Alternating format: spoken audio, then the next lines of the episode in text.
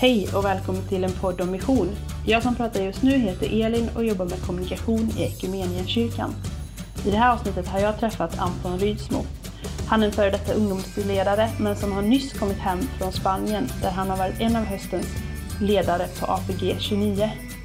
I det här avsnittet pratar vi just om hur det är att vara deltagare på APG 29, hur det är att gå en bibelskola på ett annat språk än sitt modersmål och hur det är att leva som kristen i Spanien.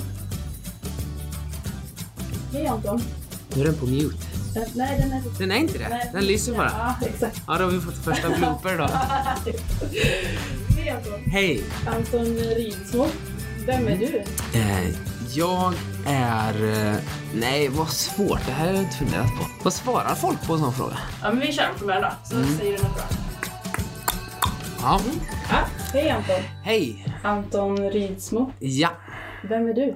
Jag är 24 år, gift eh, kille som eh, slutade vara ungdomsledare och blev ledare på APG 29. Du slutade att vara ungdomsledare. Mm, ja. Är det skillnad på att vara ungdomsledare och ledare på APG 29? Ja, det tycker jag. Det tycker jag absolut. Jag var, jobbade som eh, ungdomsledare i Alingsås kyrka. Eh, jag var där i fyra år och eh, sen, fick det, sen fick det räcka. Ja, Sen var det lagom. ganska lång tid. Ja, det var väldigt roligt. Jag trivdes väldigt bra, så att det blev många år. Eh, men eh, till slut så får man leta efter annat som Och då dök chansen upp att vara ledare på APG 29. precis eh, Vad innebär det att vara ledare på APG 29? Eh, Det innebär att man, man går samma kurs egentligen som alla deltagare, men man har ett större ansvar praktiskt. Det är väl den största skillnaden, att man inte i första hand är för sin egen skull. Om man eh, backar bak bandet lite, vad Ja. är APG 29? APG 29 är en lärjungaskapsskola med fokus på, på ledarskap och mission. Som Equmeniakyrkan Equmenia och eh, Karlskoga folkhögskola har tillsammans. Så det är en, en folkhögskole bibelskola kan man säga, fast man är inte så mycket där utan man är i ett annat land. Vi har varit i Spanien i tre månader. Just det. Hur många deltagare var i Spanien? Vi var nog runt 14 deltagare och så sju ledare ungefär. Är man ute i, i en församling i Spanien eller är man i en egen bas? Eller hur Ja, det är nog lite olika, men just vi var i en, en egen bas, eh, som i och för sig var en församling också. Men så det var inte en av Equmeniakyrkans samarbetsförsamlingar, utan de hade en liten församling i källaren och så var vi, bodde vi på övervåningarna. Och vad gjorde ni där? Eh, vi eh, läser Bibeln och har olika undervisningsteman på veckodagarna. Och så har vi olika sorters praktikuppgifter på helgerna där vi provar att eh, leva ut lärjungaskapet som, som vi försöker förstå på veckorna. Behöver man förkunskap för att hänga på APG 29? Nej, för att gå APG 29 behöver man ingen förkunskap alls. Eh, en av deltagarna i år visste faktiskt inte alls vad det handlade om, utan hade nästan aldrig läst Bibeln innan. Eh, så hon blev lite överväldigad, men, eh, men det gick också bra. Efter några veckor så kom hon in i det. Vad häftigt. Ja, det var jättehäftigt. Hur är det i Spanien att vara kristen? Ja, det beror på vad man menar med kristen. Eh, vi jobbade ingenting med de katolska kyrkorna. Eh, överlag så är Spanien ett av de mest sekulariserade länderna i, i världen. Bland de evangeliskt troende så finns det väldigt, väldigt få. Mycket mindre än i Sverige. Eh, och då ligger vi ganska långt ner på listan också. Så det är nog lite ensamt skulle jag säga. Eh, man lever i väldigt små församlingar. Inte heller jättebra ekumenik mellan församlingarna, utan man man är sin lilla grupp och så, så träffas man och så har man gudstjänst och så har man kanske bibelstudie. Och sen är det det. Eh, Är det mycket ungdomar eller hur ser församlingarna ut? nej, inte det. På vissa ställen finns det ungdomsgrupper, på de flesta inte, tyvärr. Det är ganska små församlingar, så då blir det inte så många ungdomar heller. Det är väl de som råkar växa upp i kyrkan. I vissa större sammanhang så blir det några stycken och då kan de få med sig några kompisar kanske. Men oftast inte, tyvärr. Kände ni att ni gjorde liksom stor skillnad när ni kom ner till Spanien och, och fick leva i en församling? Ja, det blev ju jättestor skillnad då när vi var några ungdomar ute på i olika församlingar på gudstjänst och på olika grejer de gjorde så tyckte de att det här blev ju superroligt och jättemycket liv och vi har fått mycket tack eh, efteråt och vi har fått eh, vara med och prova göra mycket saker och försöka arbeta för att det ska finnas roliga grejer för ungdomar. Att det ska vara lätt att stanna kvar i kyrkan. Tröskeln ska bli låg. Ja, precis. Mm. Du sa att APG 29 är också en folkhögskoleutbildning. Ja. Är det mycket teori så att man, är det, behöver man göra prov och tenta av vissa Ja, precis. Nej, det behöver man inte göra. Eh, sen är det mycket teori i en mening, att vi har en del lektioner. Två lektioner varje dag på förmiddagen och en eh, workshop på eftermiddagen. Så det ser lite olika ut. Men, men på förmiddagen så är det en klass i antingen Markus evangeliet eller Apostlagärningarna. Och efter det så är det en klass med temaämne. Så man har en eh, en lärare som f- eh, reser in och har lektioner på sitt specialtema kan man säga. Så det blir väldigt intressant när alla får undervisa om det de älskar. Undervisade du? Eh, ja, på, på bibelstudierna på förmiddagen så hade jag några lektioner. Mm. Eh, men det turas ledarna om att ha och också lite ditresta ledare och lärare har, har olika. Kan du bara beskriva hur en dag i, i Spanien för APG 29 ser ut? Ja, absolut. Eh, vi vaknar på morgonen. Just vi följde in i den kulturella normen och vaknade ganska sent. Så kvart i åtta så gick vi upp och hade en timmas personlig andakt först på morgonen. Vad innebär det? Det beror lite på hur man eh, vill. Det är en timmas egentid, tyst på morgonen. Så där kan man läsa en bok eller eh, sitta och be, skriva dagbok, göra lite vad man eh, vill. Umgås tid med Gud helt enkelt. Och sen efter det så är det frukost. Och då så eh, käkar alla tillsammans. Man, eh, man ber alltid för varje mål. Och sen efter frukost så är det lite olika uppgifter praktiskt som deltagarna hjälper till med att diska, städa och sådana saker. Och där finns en ledarsamling oftast. Man planerar dagen lite mer i detalj. Och sen är det en lektion på förmiddagen. Eh, det allra första som händer. Och sen efter det så är det en temalektion. Sen är det lunch. Och vi hade siesta varje dag, så efter lunch så var det rast fram till klockan halv sex då det var nästa lektion, eller nästa workshop sen. Och sen varje kväll är det andakt på kvällen, där alla deltagare och ledare delar sitt vittnesbörd och sjunger lovsång. Det är lite blandat, men det är alltid en andakt på kvällen och sen eh, är det, sen är det slut. Sen, är det, Sen- sen går man och lägger sig, ja, och sen är det en ny dag. Okej. Det här workshop låter spännande. Vad, vad är det? Ja, det kan vara allt möjligt egentligen. Det kan vara mm, det kan vara en lektion men det kan också vara att prova på det som man har pratat om. Det kan vara eh, kanske en stund för reflektion om man pratat om någonting, eh, något personligt tema liksom som handlar om min, min personliga relation med Gud. Kanske man går undan en stund, eh, läser, tänker, skriver lite grann. Om det har handlat om evangelisation kanske man provar någonting. Eller om det handlar om praktiskt tjänande så kanske man eh, går ut och hjälper till med någonting i samhället som man eh, får vara med och hjälpa till i. Eh, men det kan också vara kulturell lektion. Vi hade några lektioner som handlar om spansk kultur och, och vad man ska göra och inte göra och sådär. Så det kan vara allt möjligt egentligen. Det blir lite också beroende på vad lärarna vill göra och vad de liksom, vad som, vad som behövs för att få den veckan att bli så fullständig som möjligt. Mm. Jag tänker att vi kan prata lite om eh, kopplingen APG 29 och liksom internationell mission. Ja, Om man pratar internationell mission och, Mm. och missionärer, vad är deltagarna i APG 29 som en missionär i den bemärkelsen? Eller hur kan man... Eh, Jag tycker inte det. Men eh, man, man får ju prova på kanske internationell mission. Mm. Eller det beror ju jättemycket på liksom. Men det är ju väldigt kort tid och man gör ju liksom inga åt... Det är ju mer att man får prova på massa olika sätt att missionera än att man eh, är en missionär skulle jag säga.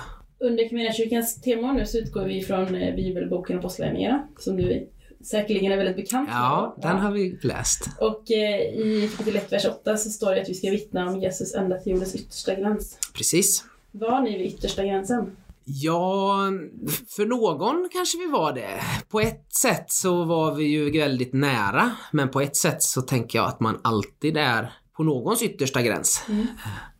Vi hade några deltagare som var med från Argentina och deras kyrka har som slogan just det här bibelordet att vittna vid jordens yttersta gräns för att de tycker att de gränsar med Antarktis, så längre bort kommer man inte.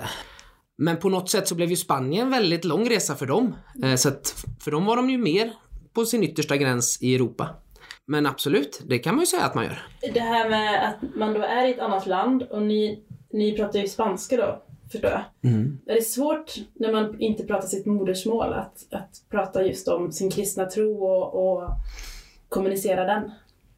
Absolut, det är jättesvåra grejer på ett sätt att prata om eh, på ett språk man inte behärskar så väl. Men å andra sidan så får man också ett stort intresse av de som bor där, att de undrar lite vad man gör där. Så man får ju, om man, om man är modig så får man ju många tillfällen att berätta om varför man är där. Mm. Eh, så efter det får man försöka så gott man kan. På alla skolor finns det ju många människor som talar språket som man är i. Eh, så om det dyker upp tillfällen så, så tolkar de gärna. Och, och, vi gjorde så att man har många samtal, kanske två deltagare och någon man träffar. Så får man försöka flika in med det man kan och, och resten så får de eh, som pratar språket översätta.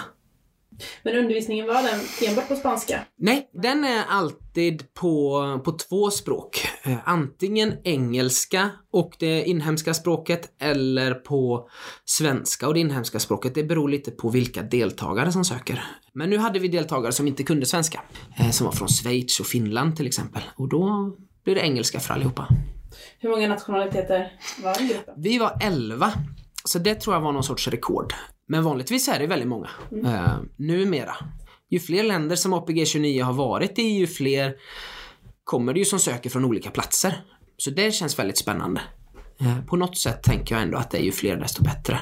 Men APG 29 är ju en skola som hela tiden eh, skickar ut nya elever. Så vart hamnar man om man söker till nästa omgång? Till nästa omgång kan vara eh, lite för sent kanske, det vet jag inte. Men nu till våren så ska de åka till Chile och Argentina. Eh, så de ska vara i två länder för första gången. Eh, och sen till hösten eh, tror jag inte är helt eh, bestämt vart Nej. man ska, eller det är inte officiellt i alla fall. Nej, då ska vi inte säga någonting. Nej. Men eh, vad, om man vill veta mer så vart kan man hitta mer information om APG29? Mer information hittar man alltid på ekumenia.se APG29. Eh, där läggs allting ut men oftast så, så kan man få reda på saker eh, snabbt om man följer APG29 på Instagram. Eller pratar med någon som har gått skolan. Ofta kanske man känner någon och, och sådär. Och på våren kan man säga att det är allt, oftast en skola. Men på hösten så kommer det nog vara två eller kanske till och med tre framöver. Vem tycker du ska söka till APG 29?